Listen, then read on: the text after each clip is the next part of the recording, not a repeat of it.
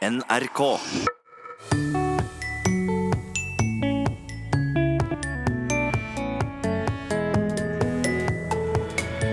I høst skjedde det. En språklov som har vært varsla i mange år, ble endelig sendt ut på høring. Språkrådet nikker fornøyd. Men jeg vet jo at språk er blant de temaene som engasjerer folk eh, ute i by og bygd. Så jeg håper jo at eh, mange kommer med innspill til hvordan det kan bli verdens beste språklov. Hvordan tenker forfattere på språket når de skriver? Simon Stranger kan skrive om setninger opptil 20-30 ganger før han er fornøyd med språket. Nå holder jeg på med en ny roman, og jeg tror jeg har skrevet om de første sidene litt over 20 ganger. Men nå begynner det snart å sitte, men ikke, ikke ennå. Vel møtt til Språkteigen. Seks kulturministre har kommet og gått siden stortingsmeldinga Mål og mening ble behandla i Stortinget i 2009. I den ble det slått fast at det å få laga en språklov er et viktig tiltak for å styrke det norske språket. For hittil har ikke vi hatt en lov som sier at norsk er nasjonalspråket i Norge. Men i høst skjedde det. Et forslag til språklov ble sendt ut på høring. Og ei av de som har venta, er direktør i Språkrådet, Åse Vetås. Og hva syns du om forslaget som nå foreligger? Vi syns jo fra Språkrådets side at det er veldig mye å glede seg over i den nye språkloven. Eh, for det første så er det jo en stor gladmelding at Norge nå får en språklov. Det er jo noe nabolandene våre har eh, hatt over tid, og det har vært en mangel i Norge. Og eh, det at det nå har kommet ut på høring et forslag til hvordan den språkloven skal se ut, det er i seg veldig gledelig. Og så er det mye av innholdet så det går an å glede seg over. Men for å ta det, hvorfor er det så viktig for oss å ha en språklov? Det er viktig at vi får slått fast i lov eh, hvilke språk det er Norge har et særlig ansvar for. Og det å ha en språklov som da eksplisitt nevner både norsk, samiske språk, nasjonale minoritetsspråk og ikke minst norsk tegnspråk, det gir økte status til alle de språkene. Vi skal ta det litt tematisk her.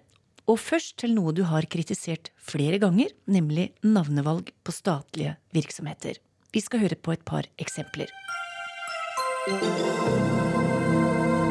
Med knappest mulig margin banket styret ved Høgskolen i Oslo og Akershus gjennom det nye navnet OsloMet med stor O og M i ett ord, og mellomrom, tankestrek, mellomrom, Storbyuniversitetet med stor S. Kongen i statsråd vedtok navnet, med unntak av denne store S-en i Storbyuniversitetet. Hva er feil her? Det er store M i uh, Oslo OsloMet. Det påpekte uh, Språkrådet òg før uh, navnet ble vedtatt. Det blir et såkalt pukkelord, og det er uvanlig i norsk, og det er ikke i tråd med norsk rettskriving. Og vår anbefaling er da å skrive Oslo Mett med, med liten M. Fredskorpset skifter navn til Norek, Norsk senter for utvekslingssamarbeid. Jeg syns på mange måter Fredskorpset sa for lite om hva kjernevirksomheten er. Eh, så med et nytt navn, som også sier tydeligere hva dette handler om, nemlig et utvekslingssamarbeid, eh, så tror jeg det blir tydeligere både for oss her hjemme, men ikke minst eh, våre partnere i sør, hva vi driver med. Norek er da en bokstavsammenstilling, en sammendraging av det engelske navnet på denne virksomheten. Det setter jo vi veldig lite pris på. Dette er bare to eksempler på navnevalg du har vært kritisk til.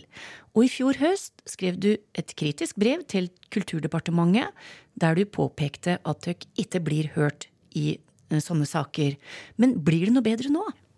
Ja, her har nok uh, vi og Kulturdepartementet vært hjertens enige hele veien. Det jeg gjorde, var å sende en melding til Kulturdepartementet om at vi ikke hadde arbeidsrom til å gjøre de oppgavene som de har bedt oss om på navnefeltet. Mm. Og nå ser vi jo at det der i forslaget til språklov ligger inne et forslag om som da òg omfatter eh, en mer formalisering av råd om skrivemåte og navneskikk for navn på statsorganer. Ja, det sies jo at uh, altså, du, du, kan ikke bruke kreative navn. Du skal beskrive en virksomhet, og du skal følge norsk rettskriving. Ja. Vil det si at f.eks. Oslo Met ville vært forbudt med den nye språkloven? Ja, altså etter, etter, rettskrivingsreglene så er jo ikke det eh, navnet innafor. Og eh, vi må jo se på de formuleringene som nå ligger i utkastet til språklov, om vi mener de er sterke og tydelige nok, eller om vi trenger at de tydeliggjøres enda mer for da å kunne uh, gjennomføre språkpolitikken på det området som gjelder uh, navn i staten. Mm. Men kritikeren vil kanskje si at her får Språkrådet for stor makt? Nei, altså Det som står i utkastet til lov, er jo at vi skal gi statsorgan råd. Og de endelige beslutningene om eh, valg av navn på statsorgan, de eh, foregår jo i, i, statsråd og i de departementene som organene sorterer under. Sånn at eh, det står ikke i utkastet til lov at Språkrådet skal ha vetorett eller eh, sanksjonsmyndighet, men det står at vi skal gi råd, og da er den logiske konsekvensen av det at disse rådene skal lyttes til. Men det blir jo òg bedt om å si noe om sanksjoner her.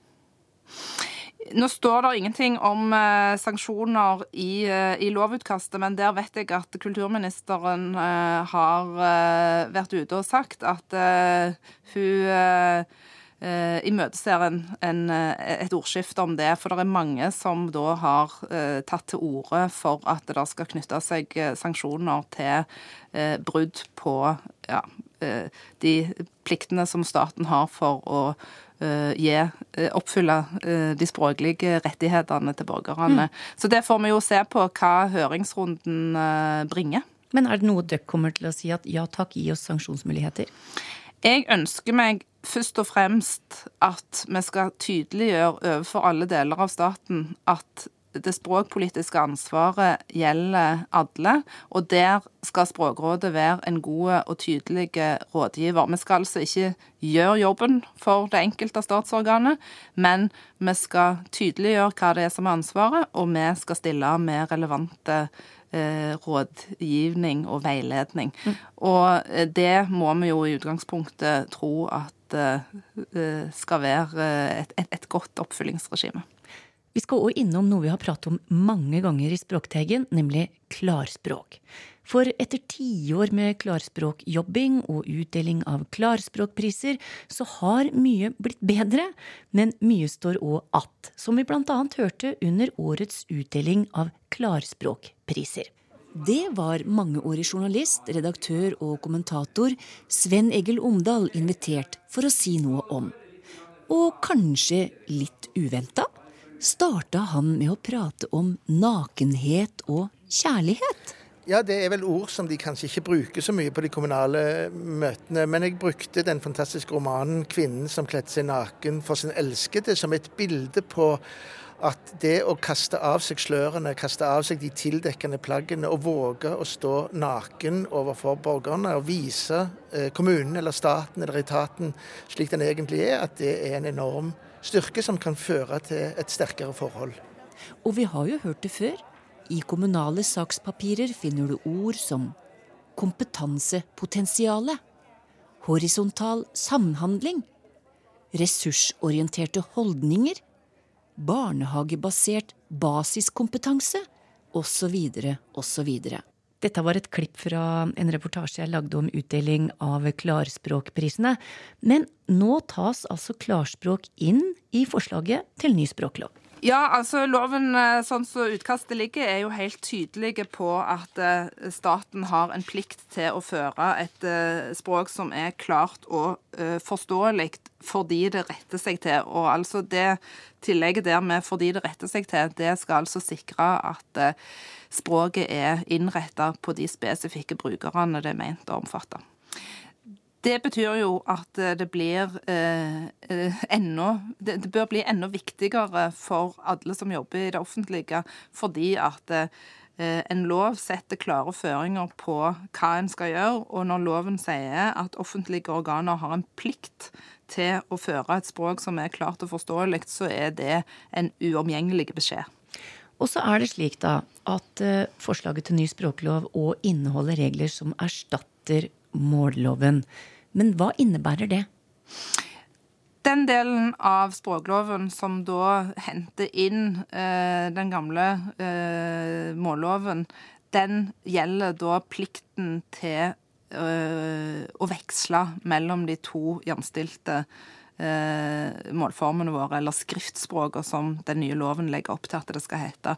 Loven skal etter formålsparagrafen sin fremme likestilling mellom bokmål og nynorsk. Og det er òg gjort rede for i formålsparagrafen at eh, en del av eh, ansvaret til alle offentlige organer er å fremme det minst brukte av de to likestilte skriftspråkene. Så loven legger overordna opp til en større likestilling mellom bokmål og nynorsk. Og så omfatter den da regler for hvordan dette skal praktiseres både i staten eh, sentralt og i regionale statsorganer. Og I tillegg så ligger der inne et forslag om at eh, disse vekslingsreglene òg skal praktiseres i de nye regionene. Og til slutt, som du var eh, inne på, i forslaget økes òg statusen til norsk tegnspråk. Det skal bli nasjonalt tegnspråk. Hvor viktig er det for tegnspråket? Dette er veldig viktig for tegnspråket. Tegnspråk, norsk tegnspråk er jo et språk som er avgjørende viktig for demokrati og samfunnsdeltakelse for de som har det som sitt morsmål og sitt førstespråk. Og vi ser dessverre at det der er mange rundt i landet vårt som fortsatt tror at tegnspråk er et spesialpedagogisk hjelpemiddel til bruk for døve. Eh, det er det ikke. Tegnspråk er et eget, fullt utbygd språk. Det er, ligner på alle andre språk, eh, bortsett fra at Eh, modaliteten er en annen. Altså Istedenfor å bruke lyd, så bruker en tegn. Og det at tegnspråk nå er omfatta av en eh, allmenn språklov, det er et viktig signal om tegnspråket sin status som faktisk bruksspråk. Det har vært applaus for forslaget til språklov fra mange leire, og fellesnevneren er at det blir et sterkere vern om norsk språk og om språkmangfoldet. Men hva tror du, Åse Vetås, blir det debatt? Og kanskje kritikk av Språkrådets sterke rolle? Nei, jeg eh, forventer ikke at vi skal få kritikk for at vi blir eh, for sterke. Språkrådet skal ha en eh, klar og tydelig rolle i gjennomføringa av alt det som ligger i loven, og i gjennomføringa av språkpolitikken. Og da trenger vi da trenger vi pondus, og da trenger vi den lovfestingen av Språkrådet som loven òg legger opp til. Men jeg vet jo at språk er blant de temaene som engasjerer folk eh, ute i by og bygd og i alle kriger og kroker av landet vårt. Så jeg håper jo at eh, mange kaster seg over dette lovforslaget og setter seg inn i det. og kommer med høringssvar og innspill til hvordan det kan bli verdens beste språklov. Det sa direktør i Språkrådet, Åse Vetås. Og loven er altså ute på høring med høringsfrist 15. november.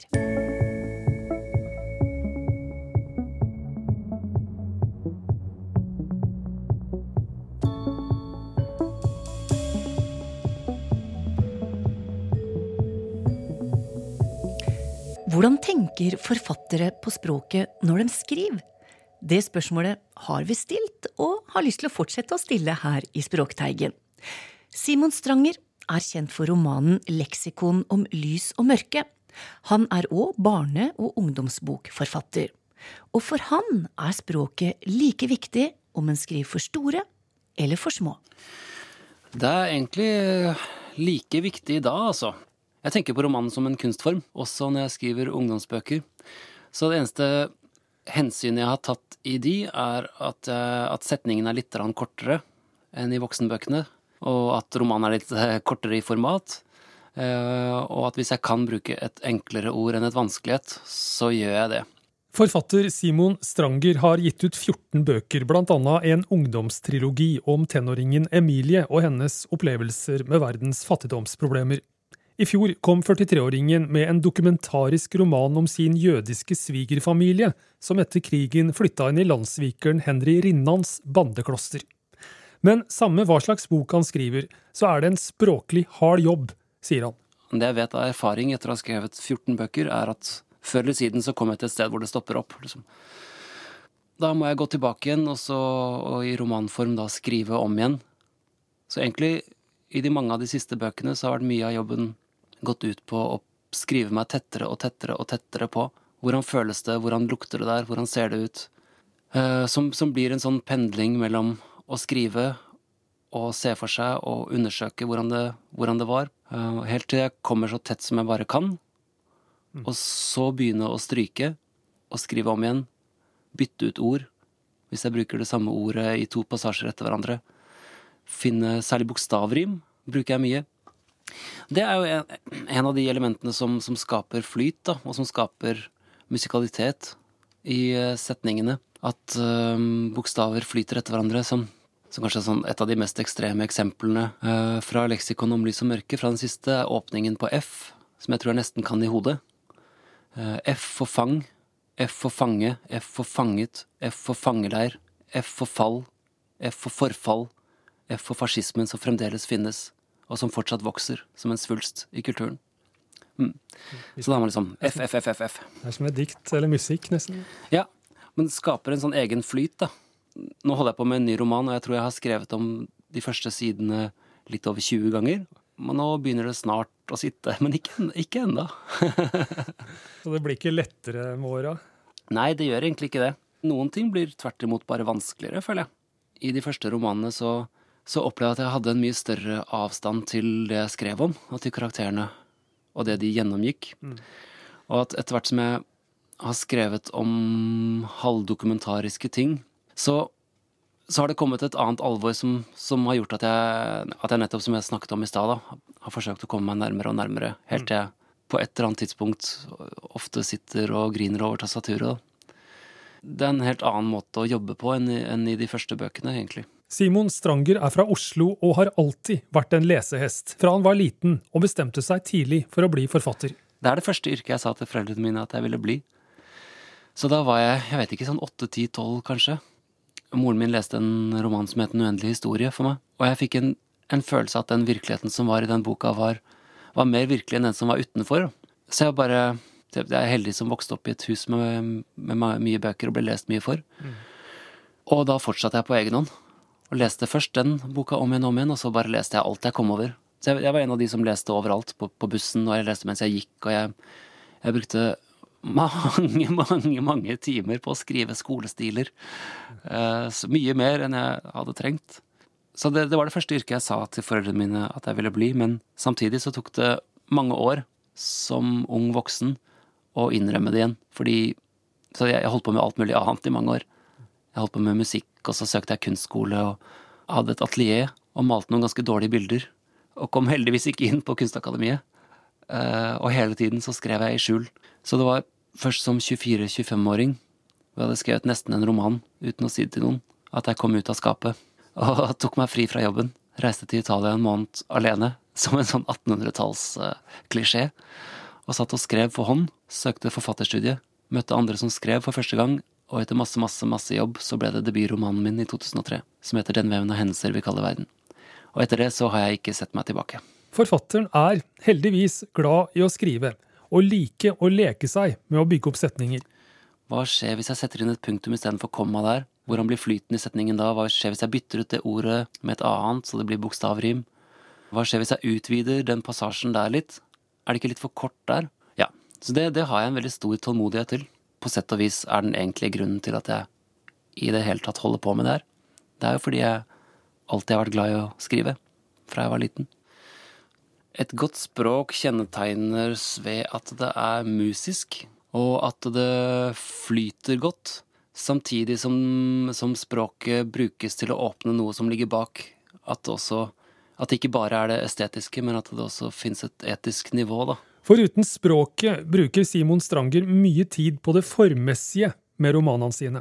Det er noe jeg bruker veldig mye tid på.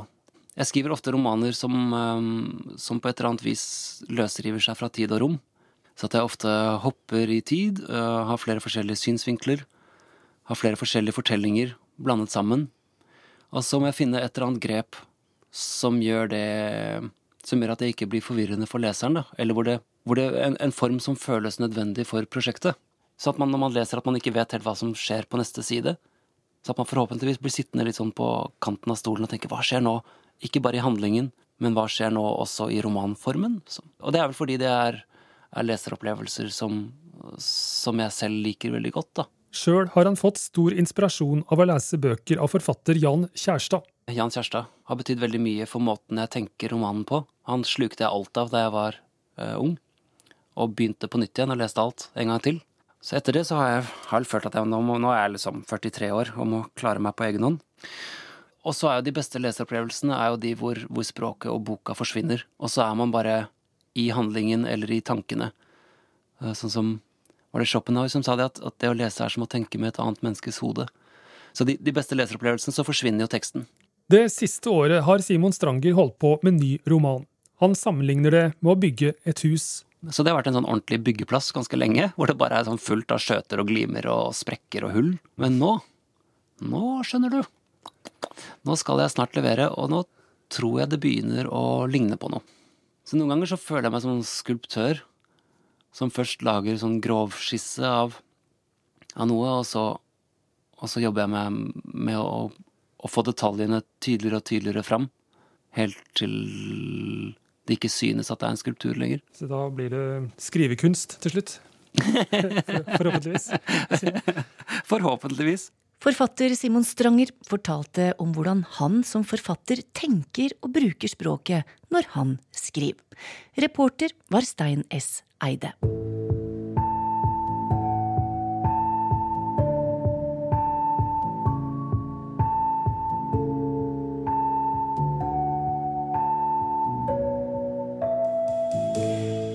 Skal til dagens lytterspørsmål.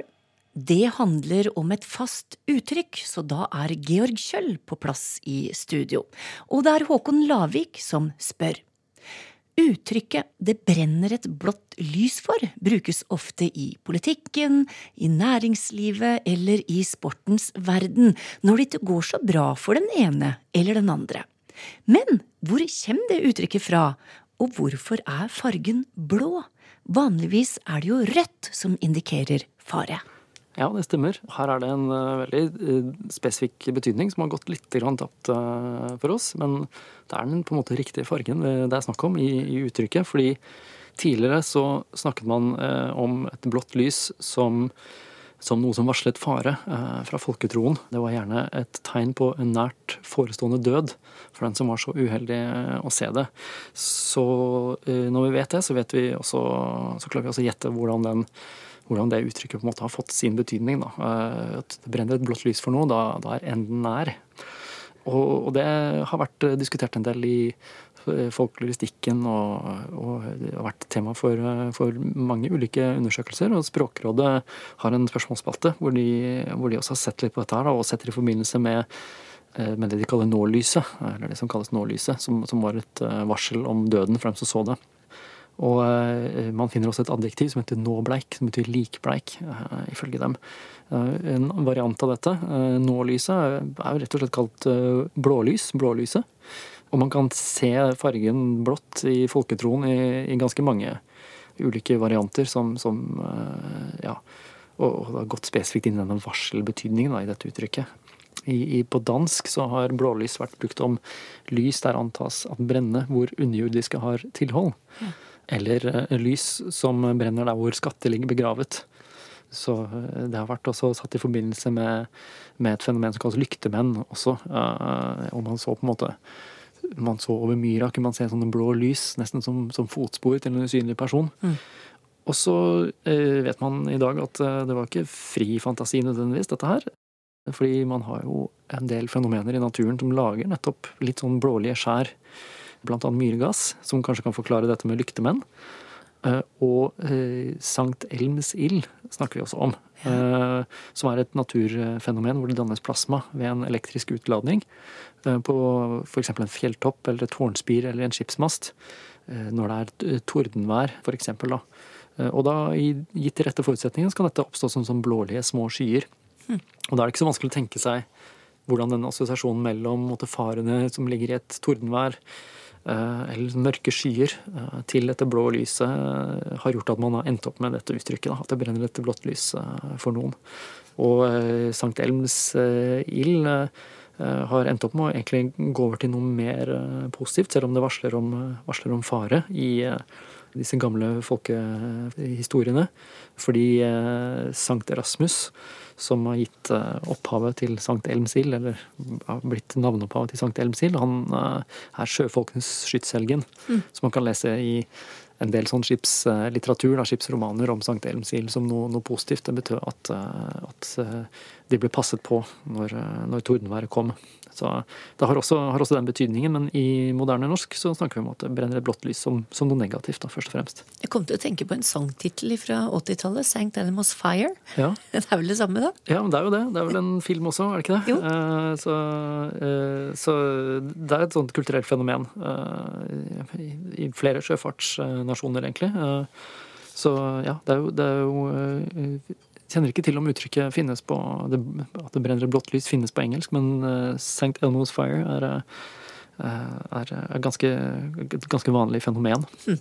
Men altså, denne assosiasjonen mellom død og blå lys den er jo borte i dag, da, så det er jo ikke rart at, uh, at vi tenker på at at man begynner å tenke om, om, det kanskje er feil, og at det er blått. Skulle det ikke vært rødt eller noe sånt isteden. Ja. Uh, og mange gjør denne, denne feilen i, i, uttrykket som snakker om at det brenner et rødt lys. Uh, det er ikke helt, helt, uvanlig å se det. Uh, og man kan også si at det blir tent et blått lys for noen, i betydningen at man har sikkert med politiet og ambulansens utrykningsalarm å gjøre. Og så var dette uttrykket med å tenne et lys for noen, som vi kjenner fra Inger Hagerups uh, dikt 'Advent'. Ja. Uh, så tenner vi et lys i kvelden, vi tenner det for glede, osv. Uh, ja. At det har på en måte kommet inn og forstyrret, forstyrret litt. Da. Mm. Men vet vi noe om når det kom inn i språket vårt, da? Nei, det er nok et, et relativt gammelt, gammelt uttrykk.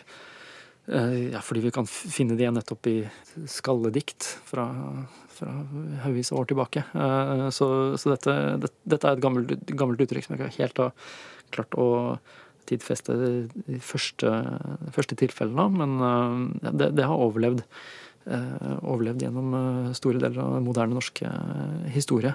Men det at det har overlevd, da, som du sier, så mange, såpass mange år, kan ha en sammenheng med at blålys er jo noe vi har et forhold til, kanskje varsler litt fare? Altså Ikke sant, ja.